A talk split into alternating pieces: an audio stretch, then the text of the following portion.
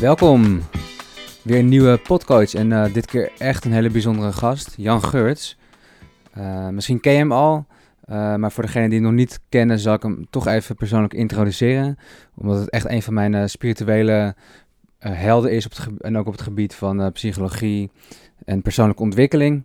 Hij schrijft bestsellerboeken zoals De Verslaving Voorbij, Het Einde van Opvoeden en Verslaafd aan Liefde, maar ook zijn nieuwe boek Wijzen naar de Maan. Maar ik luister uh, vooral heel veel podcasts van hem. En uh, op YouTube keek ik uh, ja, video's van hem. En ik vond het zo inspirerend. En iedere keer na zijn lezingen of video's voelde ik me geïnspireerd, rustig. En ja, gaf mij weer richting, ook in mijn eigen vakgebied als toegepast psycholoog en coach. Had ik heel veel eraan om het mensbeeld te vormen en te kijken waar nou ontwikkelpunten en pijnpunten zitten. Ook op het gebied van training. Hoe je nou goed kan omgaan met je ego, zodat je, ja, je jezelf goed kan manifesteren in, in de wereld en uh, groeit als persoon. Maar anderzijds ook het spirituele pad, dat je leert kijken wat je in werkelijkheid bent. dat je niet je gedachten bent en ook niet je ego zelfs. En ook waar je ik tegen zegt dat het eigenlijk een uh, verhaal is, maar dat we eigenlijk allemaal een bron van bewustzijn zijn. Nou, dat klinkt misschien heel zweverig en vaag, maar hij uh, kan het in zulke mooie, duidelijke woorden uiteenzetten in de podcast. Dat ga je straks dan ook wel ontdekken. Verder hebben we het ook gehad over hoe je beslissingen maakt um, en hoe je op je gevoel kan afgaan, hoe intuïtie werkt uh, en het verschil tussen je gevoel en intuïtie, wat het dan ook is. Um, we hebben het gehad over wat is nou bewustzijn, uh, wat is nou het ego je, je, en je ik-kracht en je identificatie met, met jezelf. En hoe kan je daar toch groei rust in vinden, zonder dan ook nihilistisch te worden. Dat je toch um, eerlijk in het leven staat en eerlijk naar jezelf kan kijken. En je patronen kan overwinnen, waar je dan toch steeds weer eventueel tegenaan kan lopen.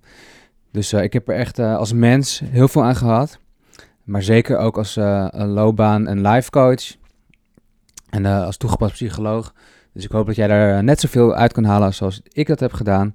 Dus laat zeker in de comments weten wat je ervan vond. Um, en wat het voor jou brengt en uh, wat je favoriete stuk eventueel is.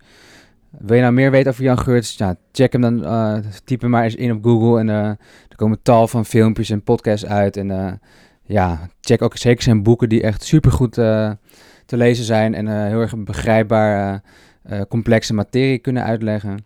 Dus ik vind het echt geweldig. Ik ben super dankbaar dat ik vorige week in augustus tegenover hem zat in zijn mooie huis op de Veluwe. Nou, veel luisterplezier en uh, kijk dan ook even op www.demunkcoaching.com. Want ik help mensen hun eigen geluid te, ontdekken in een wereld van ruis. Om bij een innerlijke stem te komen die hun richting geeft in hun leven. Dus loop je even vast of wil je meer antwoorden of wil je de loopbaan creëren die echt bij je past, uh, kijk dan eens even op mijn website. En het sluit ook heel erg mooi aan bij de visie van Jan Geurts en ja, die denkwijze daarachter. Veel luisterplezier nogmaals en uh, tot de volgende keer. Bedankt dat ik hier mag zijn. Nu zit in één keer het moment waar ik lang naar heb uitgekeken. Oké. Okay. Is in het hier en nu in één keer. Oké. Okay. ja, zo gaat het. Dus uh, nou, steek maar van wal. Staat, je, staat alles aan? Alles staat aan. Ja, en, uh, okay. Waar ik het dan vandaag uh, over wou hebben, is natuurlijk wat ik in de mail ook schreef, dat ik heel erg nieuwsgierig ben naar je visie op, op het, coach- en trainersvak. Waar, want waar ik wel eens tegenaan loop, is in het coachlandschap. Ik ben ook zelf loopbaan- en levensloopcoach. Mm -hmm. Aan de ene zij, zijde de kant van ja, alles is maar bewustzijn, daar openbaart zich alles in, dus het gaat zoals het gaat. Um, met, met de neiging tot nihilisme, dat mensen denken, nou, ik heb toch geen controle over mijn eigen leven, dus laat maar uit mijn handen vallen, bij wijze van spreken. Anderzijds de coaches zeggen, je moet je standaard verhogen, uh, je moet je doelen uh, behalen, je moet je purpose vinden. Um, en daar je mission statement, dat ja. soort dingen. Hè? Ja. En uh, een plan van aanpak en je persoonlijke profiel moet je schetsen, dat soort dingen. Ja. En uh, mij verwart het wel eens uh, van, goh, hoe uh, verhoudt zich dat nou tot elkaar en wat is nou, nou de ja. weg in? Ja.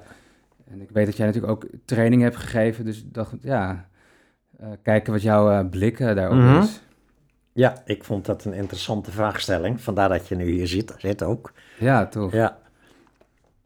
waar je eigenlijk naar vraagt en waar, je, waar dit, zeg maar, die, die schijnbare tegenstelling waar je het nu over hebt, die eh, ontstaat door, uh, door twee, uh, zeg maar, twee verschillende benaderingen te verwarren met elkaar.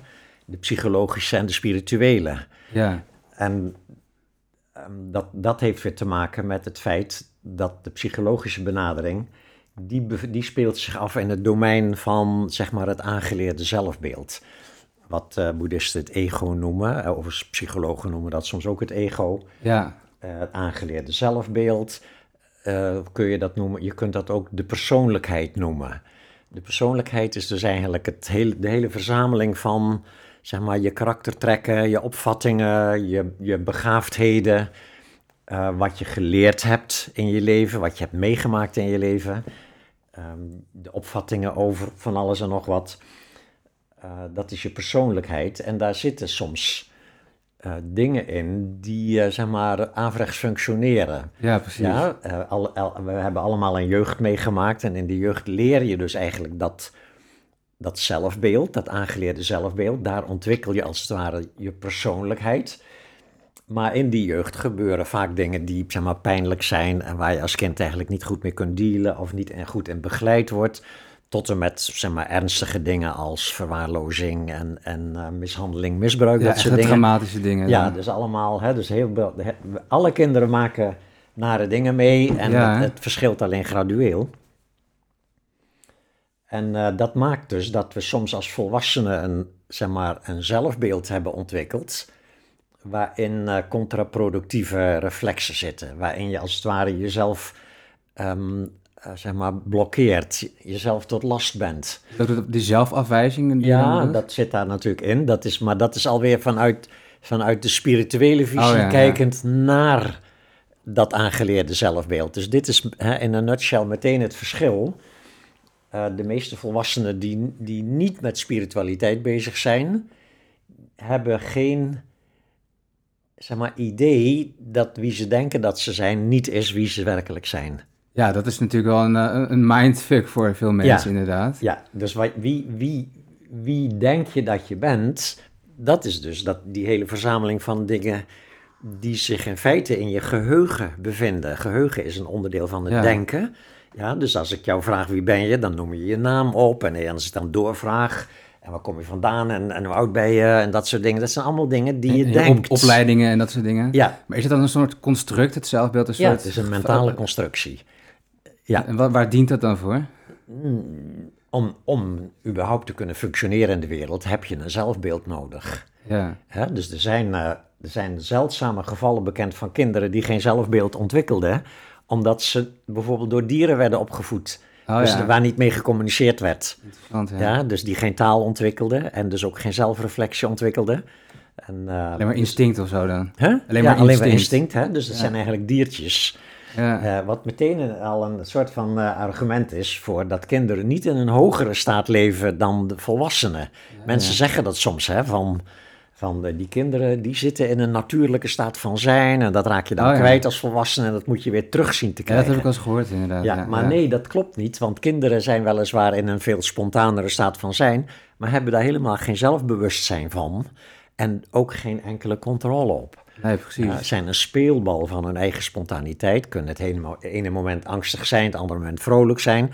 Maar hebben dus geen, geen zeg maar, um, meta-bewustzijn. ja, ja, ja. Dus daarvoor moeten we dus eerst zo'n zelfbeeld ontwikkelen. Daarvoor moet je dus eerst zeg maar, allerlei gedachten ontwikkelen over wie, je naam, weet je wel, en, en, en je leeftijd. En dan moet je allerlei dingen leren.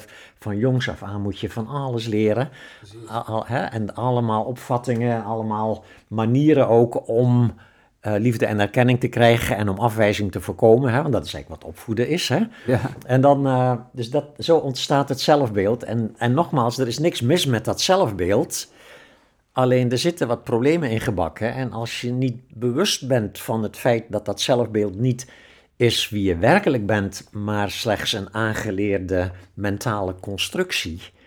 Dus eigenlijk wat je denkt dat je bent en niet wat je werkelijk bent. Ja. Dus als je dat onderscheid niet ziet, dan levert dat aangeleerde zelfbeeld een hoop ellende op. Dus, dus het ego is niet de oorzaak van de ellende, maar het geïdentificeerd zijn met dat ego. Dus zonder dat je dat doorhebt. Maar is dat ook het deel waar je dan ik tegen zegt, je zelfbeeld? Ja, doorgaans wel. Ja. Ik ben, als je Ja, dan zegt ja. het ik, ik doe dit of ik ben ja, dat, dat is het ik ben dat en ik ben, eh, ik ben Jan, weet je wel. En ik, en ik eh, ben eh, eh, meditatieleraar, dat soort dingen. Dat is allemaal ego. Maar dat ikje, dat, dat beschermen we dus heel graag of zo. ja, ja. Daar Als- zit, voor eh, afwijzing wat je dan ja, zegt. Ja, ja, of, eh, precies. Ja. Dus dat zelfbeeld, dat is eigenlijk de constructie van dat zelfbeeld is dat we ten diepste geloven dat we nog niet goed zijn zoals we zijn en dat we ons best moeten doen om goed te worden. En wie bepaalt of je goed genoeg bent? De ander. ja, de afhankelijk samenleving, van de ander. de partner, weet je wel, je collega's, je vriendenkring. Die moeten allemaal als het ware regelmatig er, jou erkennen in je waardevolheid, zodat jij daaraan een soort eigenwaarde ontleent. Dat is doorgaans hoe mensen hun eigenwaarde opbouwen in, in relatie met anderen. En nogmaals, daar is ook niets verkeerds aan. Nog steeds is daar niks verkeerds aan. Alleen als je gelooft dat dat je enige, zeg maar, zelf is, je enige eigenwaarde, dan ben je dus ook altijd volledig afhankelijk van een, zeg maar, constante aanvoer van nieuwe liefde en erkenning van buitenaf. Ja, En soms loopt dat spaak. Als je ineens ontslagen wordt op je werk, of als je partner er vandoor gaat, of je wordt ziek, of wat dan ook, dan kan je ineens valt, dan valt er een gat in die constante toedekking, zeg maar, van dat geloof dat je niet goed bent zoals je bent. Ja, en dus ja. hebben de meeste mensen in periodes waarin ze zeg maar, hun partner kwijtraken, of hun baan kwijtraken, of hun geld kwijtraken, of hun huis kwijtraken, of wat dan ook. Dus er valt ineens iets weg wat gediend heeft als een soort van bron van eigenwaarde van buitenaf. Dan ontstaat er dus altijd onmiddellijk ook een vorm van lijden en een vorm van, van Ja. zelfafwijzing. En niet iedereen ervaart die zelfafwijzing als zelfafwijzing. Want veel mensen projecteren dat dan automatisch weer op de aanleiding. Dus het is die klote baas die mij ontslagen heeft, of die rotpartner die er vandoor Ja, gaat met een ander, of wat dan heel ook. herkenbaar. Ja, en, maar evengoed leid je dus op dat moment heel erg onder verlies van eigenwaarde. Eigenlijk geef je dan eh, de, de macht over jouw gevoel van eigenwaarde de weg in, in de schoot van een ander. Of jij je goed of Ja. slecht voelt, geluk Ja, of afwijzing. Dat, dat laat je dan door een, Dat- door een ander bepalen ja maar dat is, dat is dus nog steeds een normale gang van zaken. Dat Ja. is, hè, dus zoals jij het nu formuleert, is dat bijna een soort van... dat is een stomme vergissing en daar moet je mee ophouden. nee, dat is niet het geval. Zo werkt ons ego. Je Ja. zou kunnen zeggen, menselijke wezens zijn evolutionair bepaald... zijn sociale wezens, hebben andere mensen nodig... om een zekere mate van geluk en welbevinden aan te ontlenen. Nogmaals, daar is niks verkeerds aan... maar de volledige identificatie met die wat toch een aangeleerde, een mentale constructie is, ja, die levert voor ellende, die levert ellende op. Ja. En dat is het spirituele domein. Het spirituele domein laat jou dus zien van, nee, wacht eens even, dat, dat aangeleerde zelfbeeld, helemaal niks verkeerds aan. Soms zitten er wat nare dingen in, maar die kan je wegtrainen met therapie of met training, dus dat is persoonlijkheidsontwikkeling. Maar tegelijkertijd, er is iets anders wat bewust is van dat zelfbeeld, maar wat niet dat zelfbeeld is maar iets veel ruimers en veel ondefinieerbaarders, wat als het ware gewaar is van die stroom van gedachten die dat zelfbeeld als het ware bepalen en in stand houden. Het klankbord waarin je persona zich kan openbaren. Ja, ja dat is, eh, maar wat, wie ervaart jouw gedachten? Ja. Dat is zo'n vraag hè, uit, uit zeg maar, deze, deze spirituele traditie.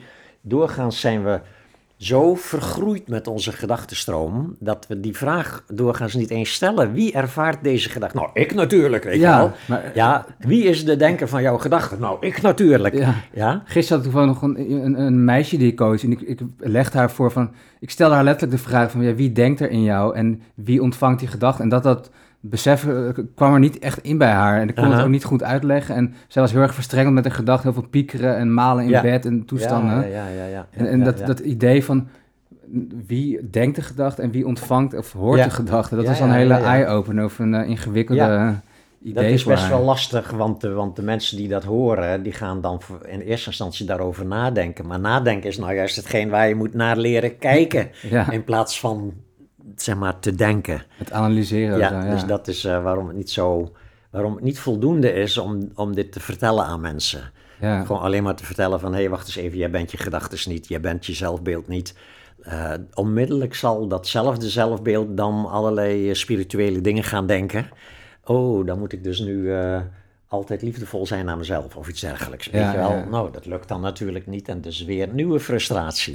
Wel? Ja. Nieuwe, nieuwe, zeg maar, falen. Ja, ja, Ja, dus dat is, eh, dat is hoe het werkt. Dus je hebt, zeg maar, op het psychologische vlak, op het vlak van dat, zeg maar, het ego helpen om beter te functioneren in de wereld. In dat domein zitten ook doelen stellen en je purpose vinden en, en waar ben je nou eigenlijk goed in en wat vind je nou eigenlijk leuk. Ja. Ja, en, en eventueel als je daarin wat wil bereiken, dan zul je daar bepaalde dingen voor moeten doen. En daar kan een coach jou eventueel bij helpen. Weet je wel, dat is gewoon je doelen helder krijgen en ook eventueel eh, iemand helpen om eh, niet voor zich uit te schuiven. Dus zeggen, oké, het doel is, ik wil een Grieks restaurant openen, Ja. weet je wel. Maar dat, de coach helpt je dan, dat is het prachtig mooi doel. Maar wat moet je volgende week dan doen om de eerste stap te zetten? naar dat, ja, dus het operationaliseren van doelstellingen, van prachtige droombeelden naar wat is er concreet voor nodig om nu te doen, volgende week te doen. Dus operationaliseren van doelen, Ja. eventueel contraproductieve reflexen. Hè? Dus je hebt mensen die dan, in mijn, bijvoorbeeld mijn, een van mijn contraproductieve reflexen die ik aangeleerd heb, is het nice guy patroon. Hè? Dus dat je conflicten vermijdt uit angst om altijd de verliezer te zijn in conflicten. En ik heb dat Ah. geleerd omdat ik als kind een nakomertje was in een groot gezin. Dus al mijn broer en zussen waren allemaal vijf tot tien jaar ouder. Ja. En, en conflicten Ja, ja, verloor ik dus altijd. Gewoon zonder meer als ik boos werd. Omdat omdat iemand was, iets van mij had afgepikt, dan werd ik hartelijk uitgelachen. Dus onmiddellijk leer je, ik ben hier de zwakste, weet je wel, in deze wereld. Ja. En ik moet dus conflicten vermijden, want die verlies ik toch altijd. Dus Ja, een nice guy patroon is, een, is een, zeg maar, een patroon waarin je conflicten leert vermijden. Waarin je mensen het naar de zin probeert te maken. De please ook, zeg maar. Pleasen, Ja. slijmen eventueel. Ook ehm, je mening niet al te duidelijk formuleren als je nog niet zeker weet of anderen het met je eens zijn. dat soort dingen, hè? Dus, is het dan om eh, de zelfafwijzing te voorkomen? Hè? Is het dan om, om eh, afwijzing mee te voorkomen? zeg Ja, maar? ja, in zekere zin wel. Alleen ook dat is dus een averechtse reflex. Oh ja. Want het houdt de zelfafwijzing juist in stand. Hè? De zelfafwijzing is het geloof wat ik als kind geleerd heb. Ik ben altijd de zwakste. De strategie om dat nooit meer te voelen is conflicten te vermijden. Maar wat gebeurt er als je conflicten vermijdt, als je mensen uit de weg gaat of naar de mond praat, dan voel je je de zwakste. Ja, Dus, dus je probeert zelf. een gevoel niet te voelen. Je doet dingen om situaties te vermijden waarin je je de zwakste voelt. En in feite hou je daarmee het geloof en het gevoel dat jij altijd de zwakste bent, hou je juist in stand. Is het, is het hetzelfde als eh, bijvoorbeeld een meisje in een vergadering en die durft nooit de, de mening te uiten ehm, en voelt zich daardoor waarloos omdat ze vindt dat ze meer in de mars heeft. Ehm, en daardoor eh, creëert ze eigenlijk, eh, omdat ze niet, ze is bang voor afwijzing als ze de mening geeft dat ze iets verkeerd zegt, maar Ja. door het niet te doen, creëert ze eigenlijk waar ze dan bang voor is, dus dat Ja, ze precies, niet ja, onzichtbaar is. Zeg Ja, maar. om te voorkomen dat anderen jou afwijzen, kies je er eigenlijk voor om jezelf af te wijzen. ja, dat is... Ja, een soort, soort, eh, ja, een soort merkwaardige overlevingsstrategie. Die overigens in je kindertijd soms heel effectief was. Kinderen moeten heel vaak zichzelf afwijzen, omdat ze immers niet in staat zijn om hun ouders af te wijzen. Ja, een kind van vijf of zes kan niet tegen papa zeggen van... papa, je bent eh, dronken en ik luister niet naar jou. Ik ga bij de buren wonen of zoiets, weet je wel. En, en bij kinderen kan dat nog niet. Ze Nee, zijn hè? volstrekt afhankelijk. Moeten dus heel vaak eigenlijk zichzelf verlogenen... om als het ware niet de, de, het contact met de ouders te verbreken. En dat contact met de ouders is voor kinderen is een levensvoorwaarde. Hoe bedoel je jezelf verloochenen? Heb je daar een voorbeeld bij? Nou, dus bijvoorbeeld in zo'n geval van een vader doet buitengewoon onredelijk tegen een kind. Oh, kind ja. En een kind gelooft dat de vader gelijk heeft. En Ja, denkt ja. dus, oké, ik ben dus hier, ik ben dus fout, weet je ja, wel. op die manier. Ja, ik ben fout. Dus in plaats dus zichzelf afwijzen, eh, terwijl in feite de ander hier fout bezig is, maar kinderen hebben dat besef nog niet, kunnen ook niet bij ouders waarvan ze wel het gevoel hebben dat ze volstrekt onredelijk zijn, kunnen ook niet zeggen van ik ga, ik ga hulp zoeken bij een rechtswinkel, een kind van zes jaar. Nee. Zou mooi zijn Die als het zou bestaan, niet, hè? ja. maar die autonomie is er nog niet. Een soort van, ik, ga, ik heb hier een onafhankelijke partij nodig om uit te zoeken wie hier nou eigenlijk gelijk heeft. Ja. Nee, kinderen hebben dat niet. Dus kinderen moeten heel vaak gewoon, om een nare situatie te overleven, moeten ze zichzelf verloochenen. Dus dat mechanisme, dat loopt dan door in ons volwassen leven. Dat dat, heb wat- je geleerd gewoon. Dat is je manier Ja. om te overleven. Ja. Dus mijn manier om te overleven voor, om de angst voor afwijzing te overleven, is dus nice guy patroon. Ja, oh Andere mensen hebben bijvoorbeeld als strategie eh helpaholic. Ja, die hebben in hun jeugd geleerd dat ze tot last zijn. Ja, soms hebben ouders gewoon te veel aan hun hoofd en kinderen krijgen dan vrij snel het gevoel dat ze te veel zijn. Tot last, ze ook in grote gezinnen. En ehm, die kinderen leren dus dat ze tot last zijn en dat ze of zich gedijst moeten houden of moeten helpen. Ja, zich nuttig moeten maken. Ja. Nu, als een kind kiest voor zich nuttig maken, dan ontwikkelt het een helpaholic pro- patroon. Hmm. Helpaholic patroon is dus dat jij het nodig hebt om nodig te zijn voor anderen. Interessant, maar denk je dan dat altruïsme niet bestaat? Omdat je eigenlijk altijd, als je anderen helpt, toch iets voor jezelf eruit haalt? Eh, dat, dat altruïsme bestaat ook, maar heel vaak is het dus geen echt altruïsme, maar is het helpaholisme. ja, dat ja? precies. En het verschil zit hem hier. Doe jij jouw hulpactie uit angst om jezelf een egoïst te voelen? Ja, Of doe jij je hulpactie uit liefde? Ja dat Ja, is het verschil. Dat Ja, is een ja. groot verschil. Dus altruïsme, iemand die zeg maar, dat stadium van angst voor afwijzing enigszins overstegen heeft, die kan vanuit zeg maar, de vreugde om een ander te helpen, kan die zeg maar, hulp aanbieden. Maar die kan ook nee zeggen. Als iemand vraagt, kan jij me volgende week helpen met verhuizen en je kan niet of je wil niet, dan durf je dat te zeggen. Ja, Terwijl een helpaholic dan zich meteen schuldig gaat voelen. En oh, ik mag nou niet zeggen van nee, ik heb geen zin om je te helpen. Die zal dan een smoes bedenken. Eh, oh, ik kan die dag niet, ik moet naar het ziekenhuis of dergelijks. ja, ja, zo die Ja. manier, ja. En voelt zich daarna natuurlijk minder waardig. Ja? Ja. Wijst, wijst zichzelf dan af over het niet, Schuldgevoel zo. niet heel eerlijk je grenzen aangeven. Ja, dus zo heb je allerlei patronen die in onze jeugd op, ontstaan. En die als volwassenen ons blokkeren, als het ware, om gewoon op ego-niveau gezond te functioneren. Problemen met relaties aangaan, weet je wel. Problemen met alleen zijn, ja. Problemen met, met middelen, met verslavingsmiddelen. Depressie kan daaruit voortvloeien en zo. Dus op dat gebied werkt, zeg maar, psychologie en eventueel psychologische coaching. Ja, dat is gewoon kijken van wat houd je tegen? Waarom durf Ja. je je mond niet open te doen in vergaderingen, weet je wel? Waarom ben je bang om een conflict aan te gaan met iemand? Hoe het dat systeem soort dan dingen. werkt. En dan, ja, dan ga je dus trainen. Ja, dus je kan iemand dan oefen, laten oefenen. Ik heb trainingen gevolgd Ja. in assertiviteit. Het was nog voordat ik op het spirituele pad kwam. Ja, precies. Omdat ik toen in opleiding was voor trainer, hè, voor groepen mensen te trainen. En ik vond dat hartstikke leuk werk. Maar ja, dan moet je wel mensen feedback durven geven die ze misschien niet leuk vinden om te horen.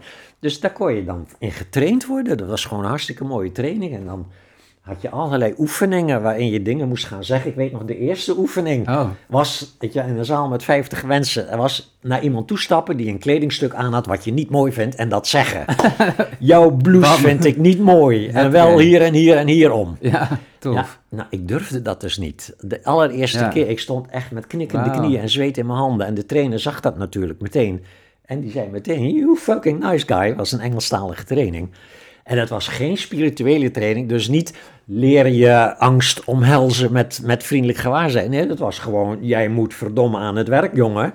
Anders kan Ja, jij geen trainer ja. worden, weet je wel. Maar is dat dan het, trainen op het ego-vlak wat Ja, je dan eh trainen op het ego-vlak is dus je wil dingen aan jezelf veranderen die inderdaad niet goed werken voor je. Dus het, het is een verbetering van de kwaliteit van je leven, maar de onderliggende motivatie is altijd ehm, voorkomen van afwijzing en eigenwaarde ontlenen aan omstandigheden. Ja, ja. Betere relaties kunnen aangaan, beter functioneren in je werk, beter geld kunnen verdienen, eh, Ja, beter precies. creativiteit kunnen zijn. Maar tot, tot waar is het dan jezelf verbeteren omdat dingen niet goed werken in het dagelijks leven? En, en vanaf waar wordt het dan een soort obsessie om alles maar te tweaken en, en, en, en eh, life hacks en al die eh, verbeterpunten aan je, zodat het een soort overmatig wordt, zeg maar? Waar ligt dan die grens van dat het nog echt vanuit zelfliefde en ontwikkeling is? En wanneer wordt het dan te... Nee, en- en ik denk in geen van beide gevallen is het vanuit zelfliefde, maar is het vanuit ego's zelfafwijzing. Ego baalt, ja, toen ik dat ontdekte, dat ik dat nice guy patroon had. Ik Ah, ja. walgde van mezelf. Ik zag mijn eigen glimlachjes Ja. in, in pan- spannende situaties, weet je wel. En weet je wel, dat is echt naar. Ja. Dus ik was keihard gemotiveerd, weet je. Ik ging ervoor. Al, die, al die workshops, weet je wel, waarbij je dan aan het begin je doel aan de muur moet hangen. hè, Zo'n grote poster aan de muur, en grote letters erop. Honesty, weet je wel. Directness, Ja. assertivity, dat waren mijn goals, weet je Ja. wel. En daar ging ik voor. En eh, nou, dat eh, heeft wel wat opgeleverd ook. Ja. Op een gegeven moment durf je dan wel je feedback te geven. Durf je wel voor jezelf op te komen. En natuurlijk, daardoor verbetert het welzijn, de kwaliteit van je leven verbetert daar ook door. Dus niks mis met de spirituele benadering. Alleen, het blijft identificatie.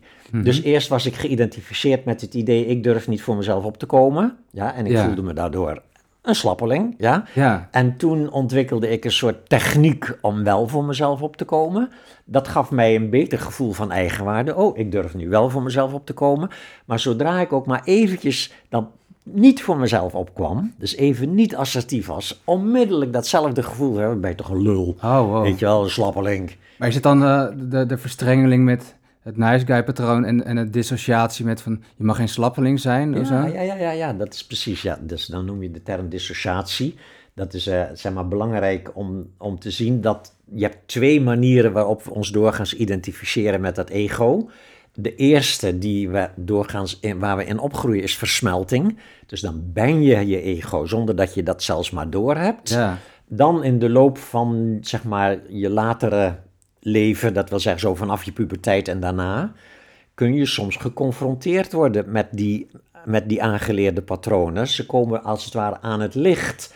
Soms ook door feedback van anderen. Soms omdat je herhaaldelijk in dezelfde ellende terechtkomt. Dus bijvoorbeeld telkens opnieuw relatieproblemen met telkens nieuwe partners die telkens op dezelfde manier blijken niet, niet te kloppen. ja, ja. Dat soort dingen. Of iedere keer weer opnieuw ontslagen worden om dezelfde reden. Dan kun je op een gegeven moment je gaan afvragen van... hé, hey, wacht even, dit is niet pech. Dit is niet de ander die fout is. Nee, hier zit iets in mijn systeem. Dus dan word je als het ware door schade en schande... word je je bewust van een aangeleerde, contraproductieve, zeg maar, patroon. Een, een, een contraproductieve strategie. En, maar tegelijkertijd wil je daar dan wel van af. Dus Ja, je wordt ja, ja, je bewust van Precies. een stukje van jouw ego, zoals ik van mijn nice guy patroon bewust werd. Oh, wat wou ik daar graag van af, weet je wel. Ik wou gewoon in alle omstandigheden gewoon recht voor zijn raap durven zijn, weet je wel. En daar ging ik dus aan, voor aan het werk. Dat is dus dissociatie. Dissociatie is dus bewust worden van een egopatroon, maar het vervolgens ook veroordelen. Dus weer die zelfafwijzing. Ja. En er vanaf willen en keihard werken om een nieuw patroon te ontwikkelen. Ja, dus de, help, de, de, de nice guy ontwikkelt assertiviteit. De helpaholic ontwikkelt grenzen durven stellen, dat soort dingen. De perfectionist ontwikkelt een 80-20 regel, weet je wel, 80% iets afmaken. Nooit iets helemaal afmaken, dat soort Ja, dingen. die, Ja, maar is het, een nieuw, is het dan een nieuw imago wat je dan... ja, ja, een imago is een onderdeel van het zelfbeeld. Een beetje de cosmetische buitenkant van het zelfbeeld. Dus we hebben een aantal dingen die we, zeg maar, in ons zelfbeeld, die we geloven en dat we dat zijn. En we hebben een aantal dingen die we graag ook naar buiten toe laten zien. Zo willen we graag Ja. dat anderen ons zien. Dus dat noem ik dan het imago. Ik heb, zo ook, ik heb die eh, trainingen ook gedaan en bij mij was het vooral het patroon van... ehm, met mij is alles oké show, dus mijn emoties niet zo snel durven te laten zien... Ja. om maar niet kwetsbaar te hoeven zijn, een soort Ja. afstand of veilige... En ik heb heel erg geleerd dat het juist oké is om kwetsbaar te zijn of Mhm. zo, maar toch zit dat patroon er nog wel in of zo, Ja, denk ik. Ja, ja. Nee, dat natuurlijk, want eh, we zijn allemaal bang om eh, door de mand te vallen. Dat, dat hele dat ego-mechanisme is ook niet iets wat verdwijnt. Eh, spirituele ontwikkeling betekent niet dat dat allemaal niet meer gebeurt en dat je nooit meer bang bent om afgewezen te worden of nooit meer jaloers bent of nooit meer gefrustreerd of zo. Nee, al die gevoelens blijven in jou opkomen. Alleen het verschil is dat je ziet dat dat niet is wie je werkelijk bent. Ja, precies. En dat ze dus veel sneller ook weer oplossen, die gevoelens.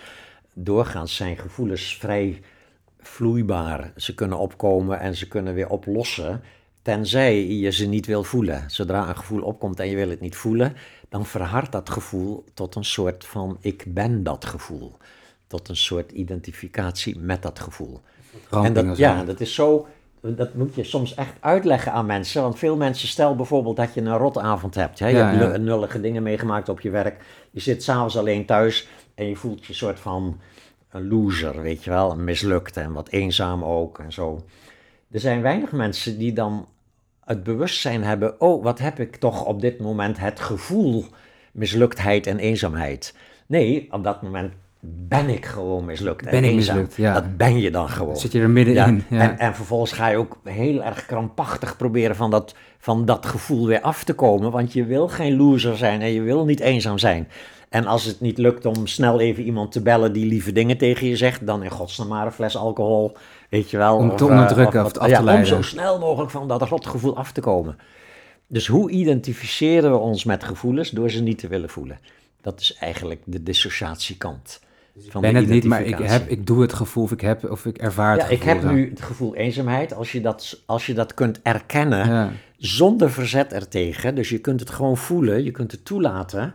Er zijn prachtige verhalen over uit de spirituele traditie. Ik herinner me nu ineens een gedicht Ja. van Rumi, een Oh, Soefi-meester.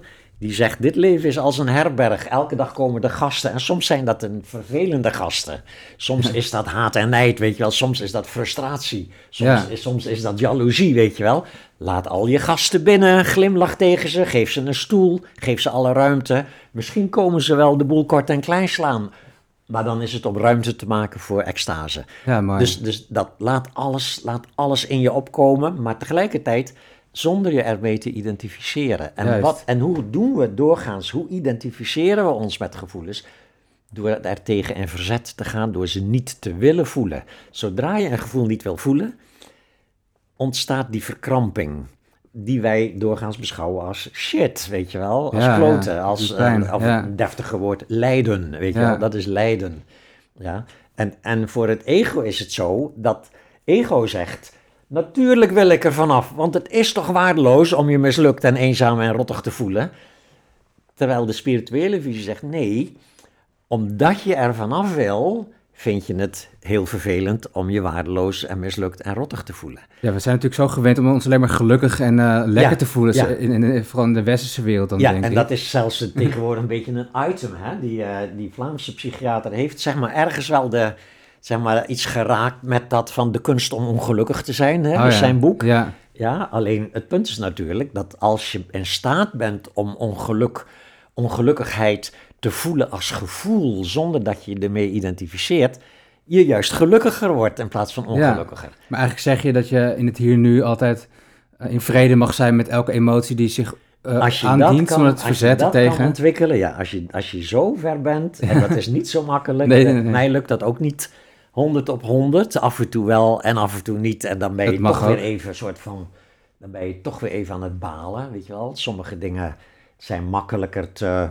omhelzen met liefdevol gewaarzijn, andere dingen zijn, weet je wel, dan vind je het toch een beetje vervelend en dan ga je toch een beetje balen ervan. Juist. En ja. dan duurt het, kijk, dan verschilt het nog van hoe lang duurt het dan voordat je doorhebt dat je eigenlijk je ellende aan het creëren bent door het niet te willen voelen. Ja, En dan heb je dus de methode ontwikkeld. Dat is precies wat je zeg maar, in deze tak van spiritualiteit leert. Dat is je beoefening.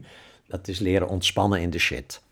ontspannen Ja. in de shit. Ja, dus niet je shit veranderen in ontspanning. Dat is vaak wat Ah. ego denkt. Ego denkt, weet je wel, stress, eh, ik wil dit niet, dit is een rotavond. Wat, hoe, wat kan ik doen om me weer lekker te voelen? De spirituele beoefenaar leert om te ontspannen in de shit. Ik mag dit voelen. Laat mij maar gewoon mezelf even eenzaam en mislukt voelen. Helemaal niet erg. Ik ben dit niet, dus ik mag dit voelen. Dat zijn nog de gedachten die je erbij hebt. Maar de Ja. beoefening zelf, dat moet je dus gewoon heel veel doen. Om echt te kunnen ontspannen, zonder dat eerst aan een ontspannende voorwaarde buiten jou is voldaan. Dat is doorgaans waar het ego naar op zoek is. Ego kan zich pas ontspannen als de partner zegt: Nee, wacht even, ik hou toch van je. Als Ja, de baas ja, ja, ja. zegt: Nee, je hoeft niet eh, weg, je mag blijven, weet je wel. Of als je ineens een nieuwe partner hebt, of een nieuwe baan, of als je geld verloren van hebt. buitenaf. En je vindt ineens je portemonnee terug, weet je wel. Ah, weet je wel. Dus dat is wat ego. Ego Ja. heeft zeg maar, iets buiten jou nodig om zich weer te kunnen ontspannen. En als je het niet kan vinden, dan zoek je dingen buiten jou, zoals, weet je wel, drugs, weet je wel, alcohol, eh, tv kijken, weet je wel, casual sex eventueel. Alles is goed als je maar zo snel mogelijk Ja. iets vindt waardoor jij je weer kan ontspannen. Ja. Nu, die manieren die leveren vaak weer nieuwe ellende op. Natuurlijk daarna, al die drugs leveren, zodra ze uitgewerkt zijn, weer nieuwe ellende op. Weer nieuwe drugs voor nodig om je weer even goed te voelen. Dat is het begin van eh, de verslaving. Ja, ja echt. En, maar Ja. hetzelfde geldt natuurlijk ook voor telkens als je een nagevoel eh, hebt weten toe te dekken met een trucje. De- bijvoorbeeld door eh, heel snel ehm, eh, met, met vrienden naar een café te gaan, weet je wel, dat soort dingen. Dus, dus zeg maar, gezelschap opzoeken om even niet met jezelf geconfronteerd te worden. Afleiding vanuit je, Ja, voor je weglopen zelf. van jezelf, Ja. dat is het eigenlijk. Telkens als je wegloopt van een moeilijk gevoel, dan, dan creëer je in feite een, een nieuwe ronde van lijden aan dat gevoel. En Ben je het dan ook mee eens met de uitspraak van... eh, gevoel wil niet opgelost worden, maar gevoel wil gevoeld worden en daarmee lost het dan op? Ja, ja, ja, dat is een mooie manier om dat te zeggen. Ja.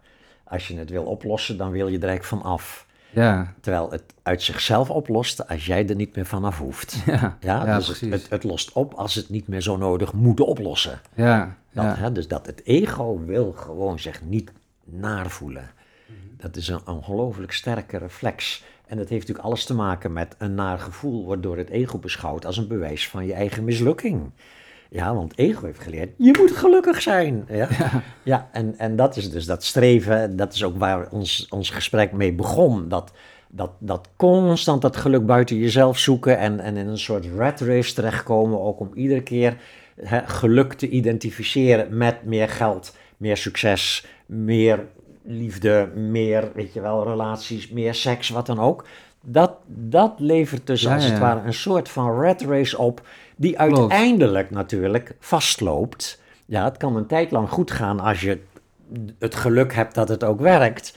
En je hebt veel geld en leuke relaties en dat soort dingen. Dan een tijd lang kan je denken, ik heb het onder controle, weet je Ja, wel. ja. Maar ja, op een Ja. dag word je ziek of je partner gaat dood of gaat er vandoor of wat dan ook. En dan blijkt ineens dat jouw controle een Een schijncontrole soort kaartenhuis was. dat ineenvalt. Ja, het stort ineens in en dan kom je dus jezelf tegen. ik, ik zeg mensen wel eens van dat, dat het jagen op succes of, of geld of, of eh, spullen natuurlijk een soort illusie is. En dat je eigenlijk je systeem eh, in het hier en nu goed moet daarop focussen. Dat je vanuit je kernwaarden werkt en, en dat die doelen dan vanzelf wel weer komen als je in het hier nu altijd Mhm. je, je best doet en het beste geeft in lijn met wat jij belangrijk vindt. En niet alleen maar jagen op succes of zo. Mhm. Ben, je- ben je het daarmee eens? Ja, ja, ja, maar dan, dan, wa- wat je dan vertelt, dan kom je eigenlijk al een beetje op dat grensgebied van zijn we nog psychologisch bezig met het ego beter te laten functioneren? Of zijn we hier ook al een beetje bezig met kijk eens op een andere manier naar die verlangens, weet je wel? Ja. Eh, probeer ze wat te relativeren, probeer ook eens gelukkig te zijn zonder dat je meteen aan allerlei dingen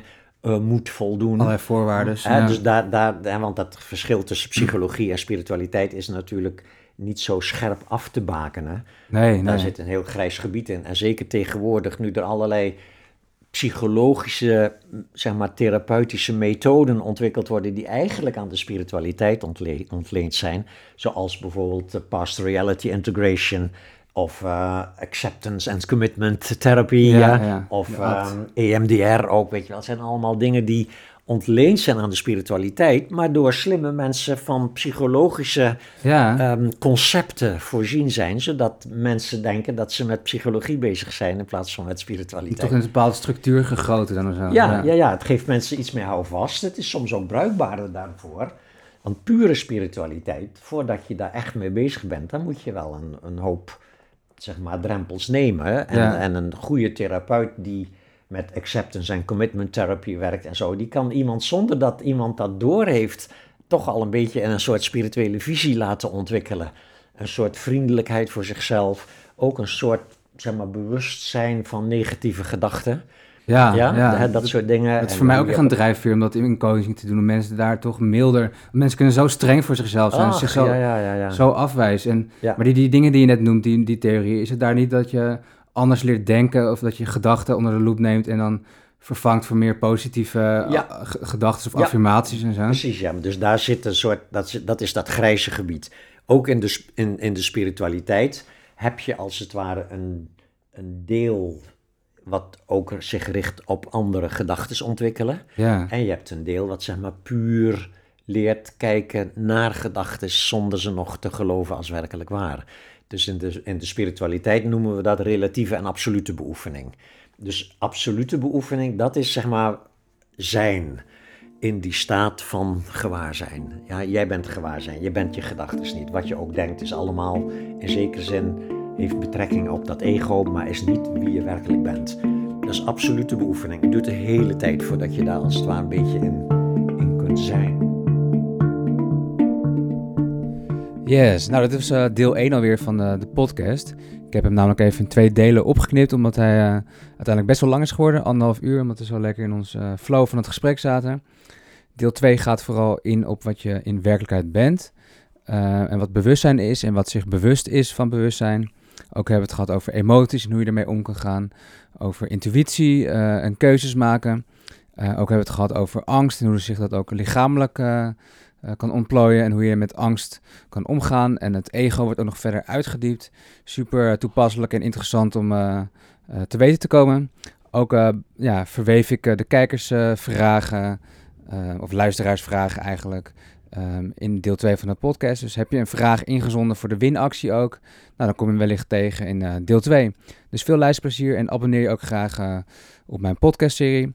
En schrijf je in op de nieuwsbrief op demunkcoaching.com om op de hoogte te blijven van uh, nieuwe toffe podcasts en artikelen en dat soort dingen meer. En uh, veel luisterplezier nogmaals en tot snel.